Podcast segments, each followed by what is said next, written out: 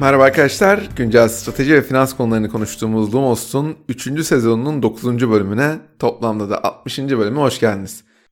Lumos'un tüm bölümlerine dinleyebileceğiniz tüm platformlara lumos.net üzerinden ulaşabilirsiniz. Güncel gelişmelerden haberdar olmak, önemli haberleri Lumos'un gözünden takip etmek isterseniz de sizleri Lumos'un Twitter, LinkedIn ve Instagram hesaplarına bekliyorum. Sosyal medya hesaplarınızda Lumos'u paylaşarak, Ek Sözlük ve Apple Podcast üzerinden değerlendirme bırakarak Lumos'un büyümesine katkıda bulunabilirsiniz. Sizlere desteğiniz için şimdiden çok teşekkür ediyorum. Dinlediğiniz platformlarda Lumos kanalına abone olmayı ve bildirimleri açmayı unutmayın lütfen. Evet bu hatırlatmalardan sonra DMVB dosyamızın bu bölümünde konuğumuz rakiplerine göre daha basit bir ürün üreterek ARGE ve ürün tasarımına daha az odaklanarak perakende marjlarını ortadan kaldırarak ürünlerini son derece avantajlı fiyatta sunmayı başaran, gelmiş geçmiş en başarılı ürün lansmanlarından birini gerçekleştirmiş, kullandığı sempatik marka diliyle her zaman fark yaratan tıraş bıçağı markası Dollar Shave Club. DMVB serisine başladığımızdan beri birçok başarılı DMVB'nin hayatına tek bir ürünle başladığını konuşuyoruz. Bu stratejiyle ürünlerinin en iyi olduğunu, alternatiflerinin pek de işe yaramadığını tek bir hamlede müşterilerine hissettirebiliyorlar. Yalnızca tek bir ürün satmak ilk kullanıcılardan aldıkları geri bildirimlere göre ürünle ilgili küçük iyileştirmeler yapmalarına da olanak tanıyor. Bu bazen gözlük oluyor, bazen yatak oluyor, bazen de tıraş bıçağı oluyor. Pazar birkaç oyuncu tarafından domine ediliyorsa ve kar marjları çok yüksekse tam aradığınız yerdesiniz. Ancak problem şu ki bu fırsatı sadece siz fark etmiyorsunuz. Siz başarılı olduysanız sizin gibi başarılı olabileceğini düşünen yüzlerce marka arkanızdan geliyor. Sosyal medya reklamlarının fiyatı artıyor, kar marjınız hızla eriyor, müşteri kazanma maliyetleriniz de aynı şekilde artıyor. Bir zamanlar sizin başarılı olmanızı sağlayan fırsatlar sizin sonunuzu getiriyor. Tıraş bıçağının bu hikayede hala güzel bir alternatif olarak kendisine yer bulabilmesinin basit bir sebebi var. Dünyada yüksek kaliteli tıraş bıçağı üreten fabrikaların sayısı bir elin parmaklarını geçmiyor. Sınırlı ve elde edilmesi zor arz nedeniyle jiletle ilk hareket edenler büyük bir avantaja sahip. İşte Dollar Shave Club'ın hikayesini bu bilgiler üzerinden anlamaya çalışacağız. Bölüme tıraş bıçağı pazarının tartışmasız en önemli oyuncusu Jilet'in hikayesini konuşarak başlayacağız. Jilet'in kuruluşundan P&G tarafından satın alınmasına kadar geçen döneme bakacağız. İkinci kısımda Dollar Shave Club'ın hikayesine bakıp sektörde neleri değiştirdiğini analiz edeceğiz. Unilever tarafından neden satın alındığını anlamaya çalışacağız. Son kısımda ise Dollar Shave Club'ın başarısının altında yatan temel faktörleri bulma vakti. DMV'ler içinde belki de en büyük başarı hikayesine sahip Dollar Shave Club'da Unilever satın alması sonrası nelerin değiştiğine bakarak bölümü tamamlayacağız. Hadi başlayalım.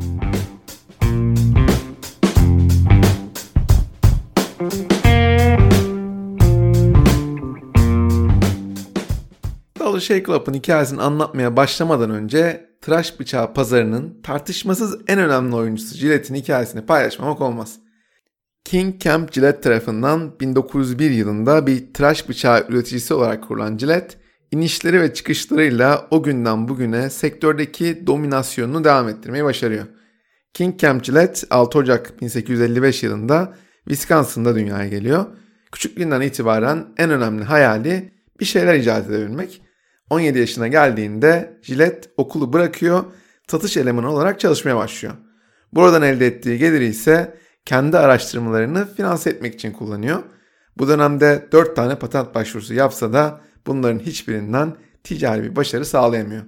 1895 yılına geldiğimizde mantar contalı şişe kapakları satan bir şirkette satış elemanı olarak işe başlıyor. Burada şirketin sahibinden hayatını değiştirecek bir tavsiye alıyor. Nedir bu tavsiye? Mantar contalı şişe kapağı gibi insanların ihtiyaç duyduğu, kullandıktan sonra atacağı ve sonra yeniden satın alacağı bir şeyler bulmak. Bu tür bir buluş jiletin takıntısı haline geliyor. Uzun saatler boyunca kullanan ürünler üzerine düşünse de böyle bir ürün bulmak hiç kolay değil. Bir satışçı olarak her gün işe gitmeden önce tıraş olması onun aradığı ürünü bulabilmesini sağlıyor. Bir gün tıraş olurken tıraş bıçağının keskinliğini kaybettiğini ve sakalını kesemediğini görüyor. Düzeneye söküyor, tıraş bıçağını bileyerek tekrar keskinleştiriyor. Bu meşakkatli keskinleştirme işlemi yerine tek kullanımlık bir ürünün bu sorunu çözebileceğini düşünüyor. O dönem yadigar usturlarla tıraş olmak oldukça prestijli. O alışkanlığı kırmanın yollarını arayan Gillette, güvenli tıraş bıçağı üzerine çalışmaya başlıyor. Karbon çelik saçtan yapılmış ince ve çok keskin tıraş bıçağı üretimine odaklanıyor. Konuştuğu metal ustalarının tamamı bunun pek de iyi bir fikir olmadığını söylüyorlar. 1895 yılında ortaya attığı bu fikri çalışan bir modele dönüştürüp patent alabilmesi tam 6 yıl sürüyor.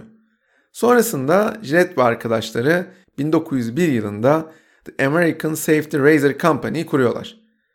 Bunu nasıl seri üretime geçirebilecekleri üzerine çalışmalar yapıyorlar. 1903 yılında ilk satışlarını yapmayı başarıyorlar. Ancak bekledikleri ilgiyi görmüyorlar. Bunda ürünün 5 dolarlık satış fiyatının etkisi büyük. Bugünün yaklaşık 150 dolarına karşılık gelen bu rakamı ödeyip ürün satın alan sadece 51 kişi oluyor. Bu büyük hayal kırıklığına rağmen Gillette ürünü geliştirmeye devam ediyor. Tasarımı daha iyi hale getirerek tıraş bıçaklarını daha ucuza satabilmeye başlıyor. 1904 yılında şirketin adını Gillette Safety Razor Company olarak değiştiriyorlar ve hızla Amerika dışına yayılmaya başlıyorlar. O yıl 12.4 milyon adet tıraş bıçağı satışı gerçekleştiriyorlar. 1916 yılına kadar şirket yavaş yavaş büyümeye devam ediyor. Ancak tek kullanımlık tıraş bıçakları hala bütün pazara yayılmış değil. Berbere gitmek ya da ustura ile kendi kendine tıraş olmak çok daha popüler. Birinci Dünya Savaşı jilet için dönüm noktası oluyor. Şirket askerler için hazır kitler tasarlayıp bunları küçük kar marjlarıyla satıyor. Tıraş takımı askerler için standart bir donanım haline gelirken o dönemde çok büyük satış rakamlarına ulaşıyorlar. Askerlerin ürünün faydasını anlaması, alışkanlık kazanması da uzun dönemde şirketin hayal ettiği başarıya ulaşmasına katkıda bulunuyor. Bu noktada problemse şirketin patentlerinin 1921 yılında sona erecek olması. Şirket yaklaşan rekabetin farkında olarak ürün geliştirme çalışmalarına devam ediyor ve bugün bildiğimize benzer kullanat tıraş bıçaklarını piyasaya sürüyor. Yeni geliştirilmiş bu kitler sayesinde eskilerin fiyatlarını da düşürüyor. Bir taraftan rekabet konusunda güçlenirken diğer taraftan da müşteri portföyünü genişletiyor. Bu arada şirketin kurucusu King Camp Gillette erken yaşta emekli olup Kaliforniya'da bir çiftlikte meyve yetiştiriciliğiyle yaşamını sürdürüyor 1932 yılında vefat eden King Camp Gillette'in yarattığı marka yıllar içinde çeşitli iniş çıkışlar yaşasa da pazardaki öncü rolünü hiç kaybetmiyor. Şirket öyle bir dominasyona sahip ki ismi birçok dilde tıraş bıçağı yerine kullanılıyor. King Camp Gillette'in her gece yatağa uzandığımda milyarlarca erkeğin sakal ve bıyıklarının uzamakta olduğunu bilmek rahat uyumamı sağlıyor sözü Gillette'i en güzel tanımlayan sözlerden biri. Bu arada Gillette'den bahsederken Warren Buffett'ı anmamak olmaz. Yaptığı başarılı seçimlerle dünyanın en ünlü değer yatırımcısı olan Warren Buffett 1980'li yıllarda Gillette'e ilgi duymaya başlıyor. O zamanlar Gillette oldukça durağan bir görünüm sergiliyor. Kar marjı %9 ila %11 arasında stabil şekilde ilerliyor. Piyasa değeri de yerinde sayıyor. 1988 yılında Coniston Partners, Gillette'in halka açık hisselerini toplayarak şirketin yönetimini ele geçirme girişiminde bulunuyor. Gillette bu savaşı kazansa da büyük bir yara aldığı kesin. İşte Warren Buffett bu noktada hikayeye dahil oluyor. 1989 yılında 600 milyon dolarlık bir yatırım yapıyor. Şirketin yönetim kuruluna giriyor.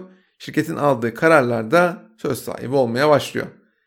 Gillette 2005 yılında 57 milyar dolar karşılığında dünyanın en önemli şirketlerinden P&G tarafından satın alınırken Warren Buffett'ın hisselerinin değeri de 5 milyar dolara kadar çıkıyor. Gillette P&G satın almasından sonra da ivmesini hiç kaybetmiyor. Dollar Shave Club'ın kurulduğu 2011 yılında Gillette dünya tıraş bıçağı pazarının %70'ini elinde bulunduruyor. Bu müşteri kitlesi öylesine sadık ki bir sonraki ürünü daha pahalı olsa bile almaktan çekinmiyorlar.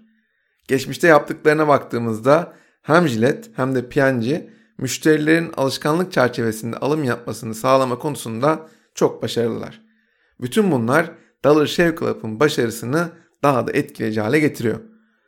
Podcast'in ilk kısmında tıraş bıçağı pazarının tartışmasız en önemli oyuncusu Gillette'in kuruluşundan P&G tarafından satın alınmasına kadar geçen dönemi konuştuk. Şimdi Dollar Shave Club'ın hikayesine ve sektörde neleri değiştirdiğine bakma vakti.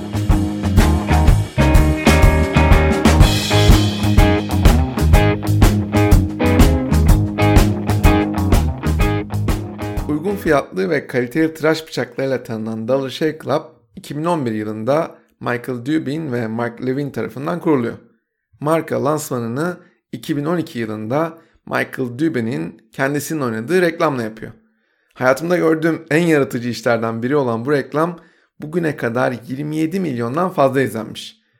Yaklaşık bir buçuk dakikalık bu video kısa sürede viral şekilde yayılmayı başarıyor. İlgili reklam videosunu podcast'in açıklamalar kısmına da ekledim.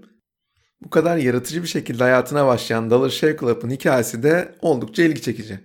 1990 yılında aralarında Amy Poehler, Adam McKay, Ian Roberts gibi isimlerin olduğu bir grup komedyen Upright Citizens Brigade adlı bir doğaçlama grubu oluşturuyor. Kısa sürede büyük ses getiren bu grup Saturday Night Live için bir yetenek havuzu gibi grubun popülaritesinin artmasıyla beraber her yıl yeni genç isimleri de kendisine çekiyor. İşte Dollar Shave Club'ın kurucusu Michael Dubin de bu genç isimlerden biri. 2002 yılında gruba katılan Dubin, çeşitli televizyon ve pazarlama işlerinde çalışırken aynı zamanda doğaçlama komedyen olarak gösteriler yapıyor. Yıllar içinde pazarlama uzmanlığını mizahi diliyle birleştirdiği güzel işlere imza atsa da kendi işini yapmak konusunda bir arayışa sahip. 2010 yılının Aralık ayında bir Noel partisinde kendisini babasının arkadaşlarından biriyle tıraş bıçaklarının neden bu kadar pahalı olduğu üzerine konuşurken buluyor. İkisi de tıraş bıçağı satın almak için markete veya ezana gitmekten rahatsız, tıraş bıçaklarının rafta kilitli ya da kasanın arkasında korunmasıyla dalga geçiyorlar. Bir satış görevlisinin onlar için rafın kilidini açması ve sadece 4-5 tıraş bıçağı için 20 dolar ödemelerinin saçmalığından bahsediyorlar. Beklenmedik bir şekilde ilerleyen bu konuşmanın sonunda babasının arkadaşı Mark Lewin Güney Kore'den aldığı 250 bin tıraş bıçağını satmak için Michael Dubin'den yardım istiyor. Kendi işini yapma hayalleri kuran Michael Dubin için bu çok güzel bir fırsat oluyor. Belirli bir abonelik ücreti karşılığında her ay tıraş bıçağınız evinize gelse nasıl olur diye düşünmeye başlıyorlar. Bir problemleri var. Jilet ve Chic gibi devlerle nasıl rekabet edeceklerini bilmiyorlar. Michael potansiyel müşterilerinin duygularına oynamaları gerektiğini biliyor. Bir hafta içinde dollarshaveclub.com alan adını alarak ilk kıvılcımı ateşliyorlar.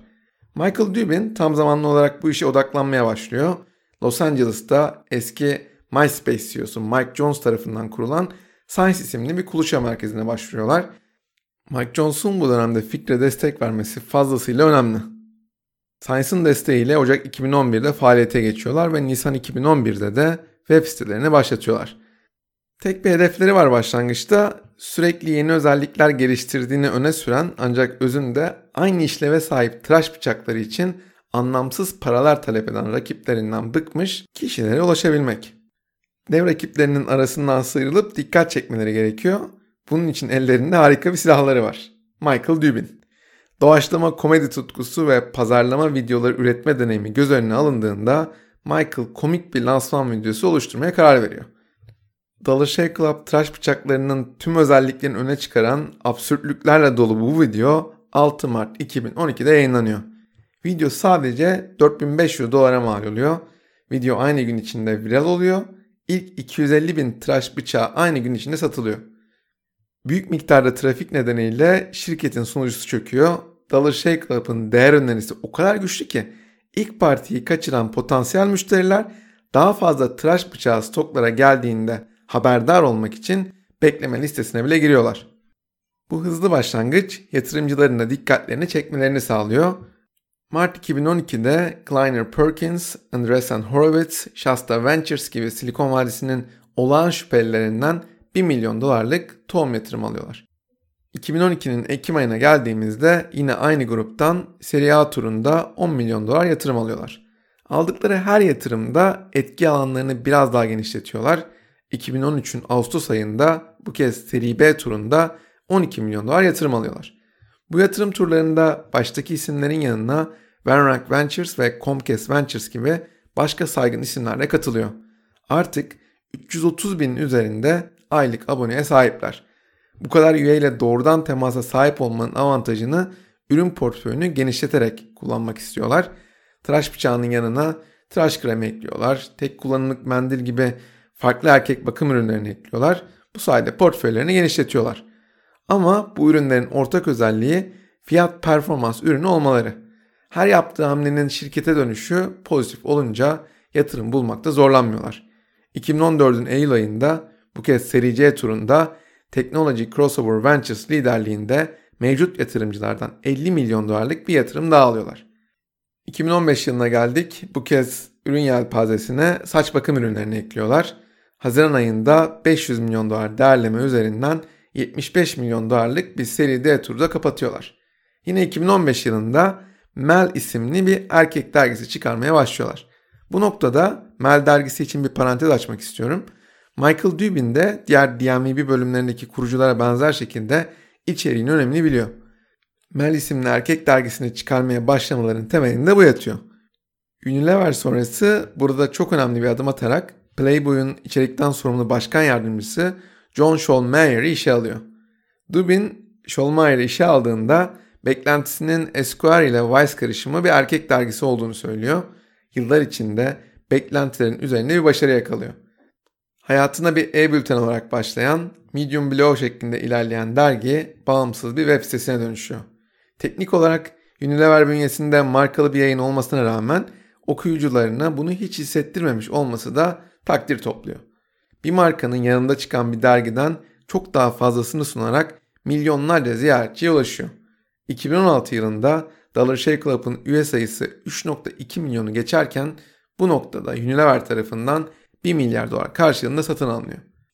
Evet bu ana kadar Dollar Shave Club'ın sektörde neleri değiştirdiğini analiz ettik. Şimdi sırada Dollar Shave Club'ın başarısının altında yatan temel faktörleri bulma vakti.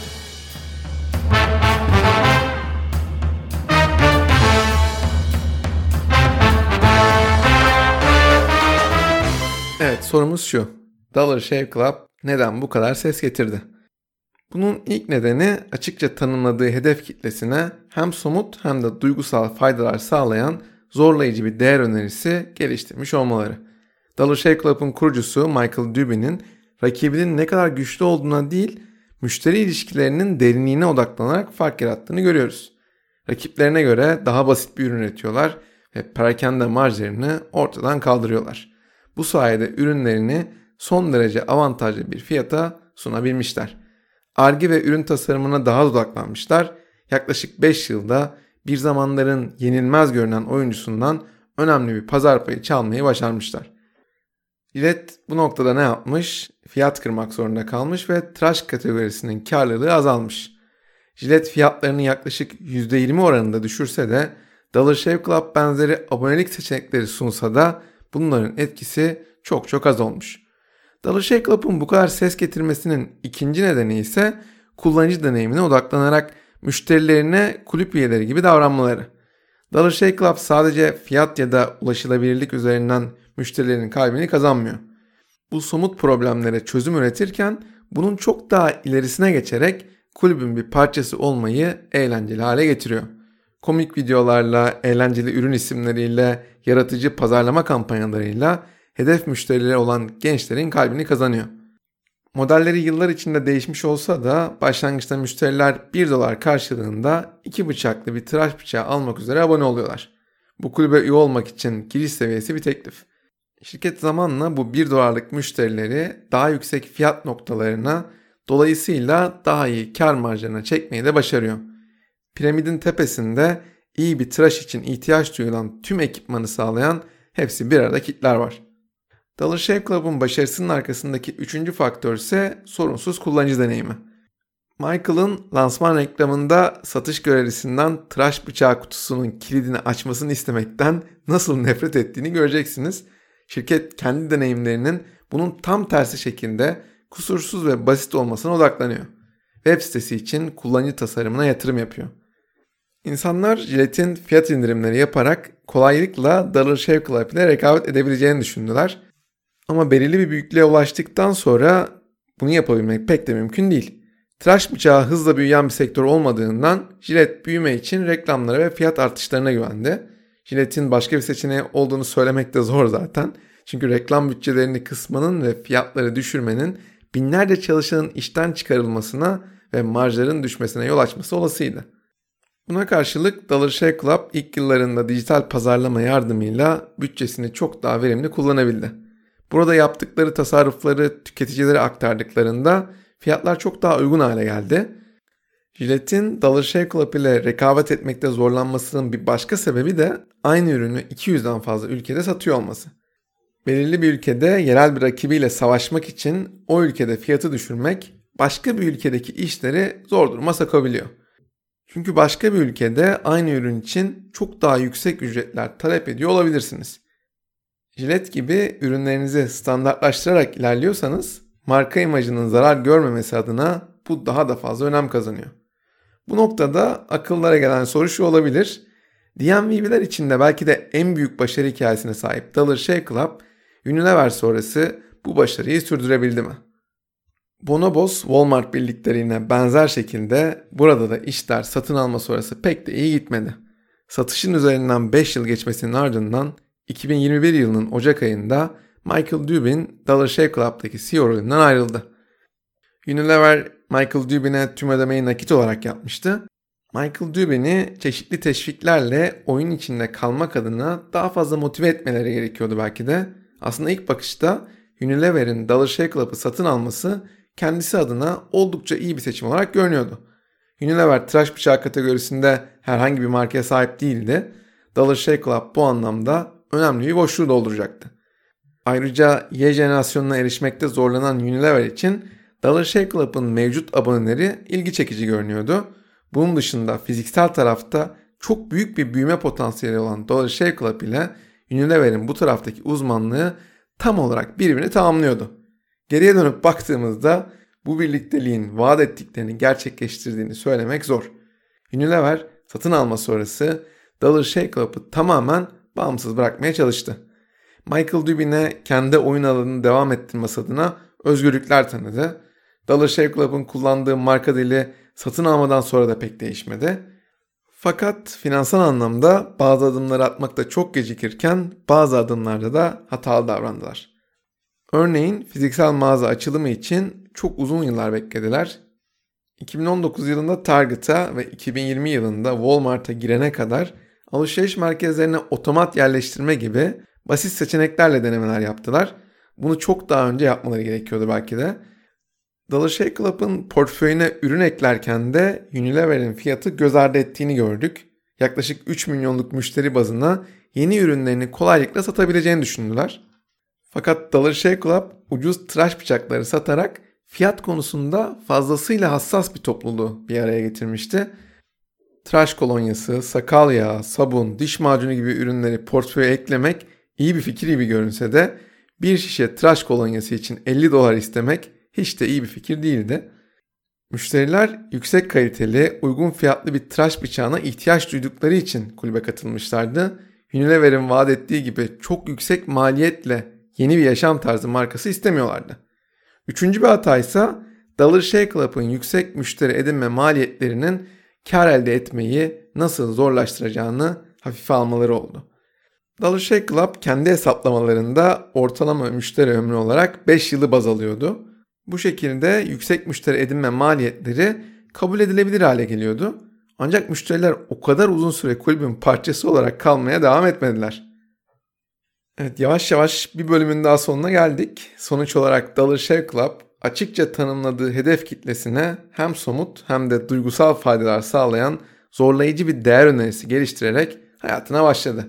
Rakibine göre daha basit bir ürün üretti, ARGE ve ürün tasarımına daha odaklandı, parakende marjlarını ortadan kaldırdı. Bu sayede ürünlerini son derece avantajlı fiyatlarla sunarak başarılı oldu. Ama o ilk çıkış videosu olmadan bunların hiçbiri yeterli olmayabilirdi. Geriye dönüp baktığımızda Unilever Dollar Shave Club birlikteliğinin vaat ettiklerinin gerçekleştirdiğini söylemek zor. Başarısızlığın altında yatan temel sebep Dollar Shave Club'ın kuruluş hikayesinde gizli belki de. Dollar Shave Club, jilet gibi bir deve baş kaldırarak sempati kazanmıştı. Unilever gibi bir başka devin kanatlarının altına girmesi sadık kulüp üyeleri tarafından pek de hoş karşılanmadı belki de. Önümüzdeki dönemde Dollar Shave Club'ın hikayesini ve Michael Dubin'in yeni girişimlerini yakından izlemeye devam edeceğiz. Sonraki bölümde görüşmek üzere.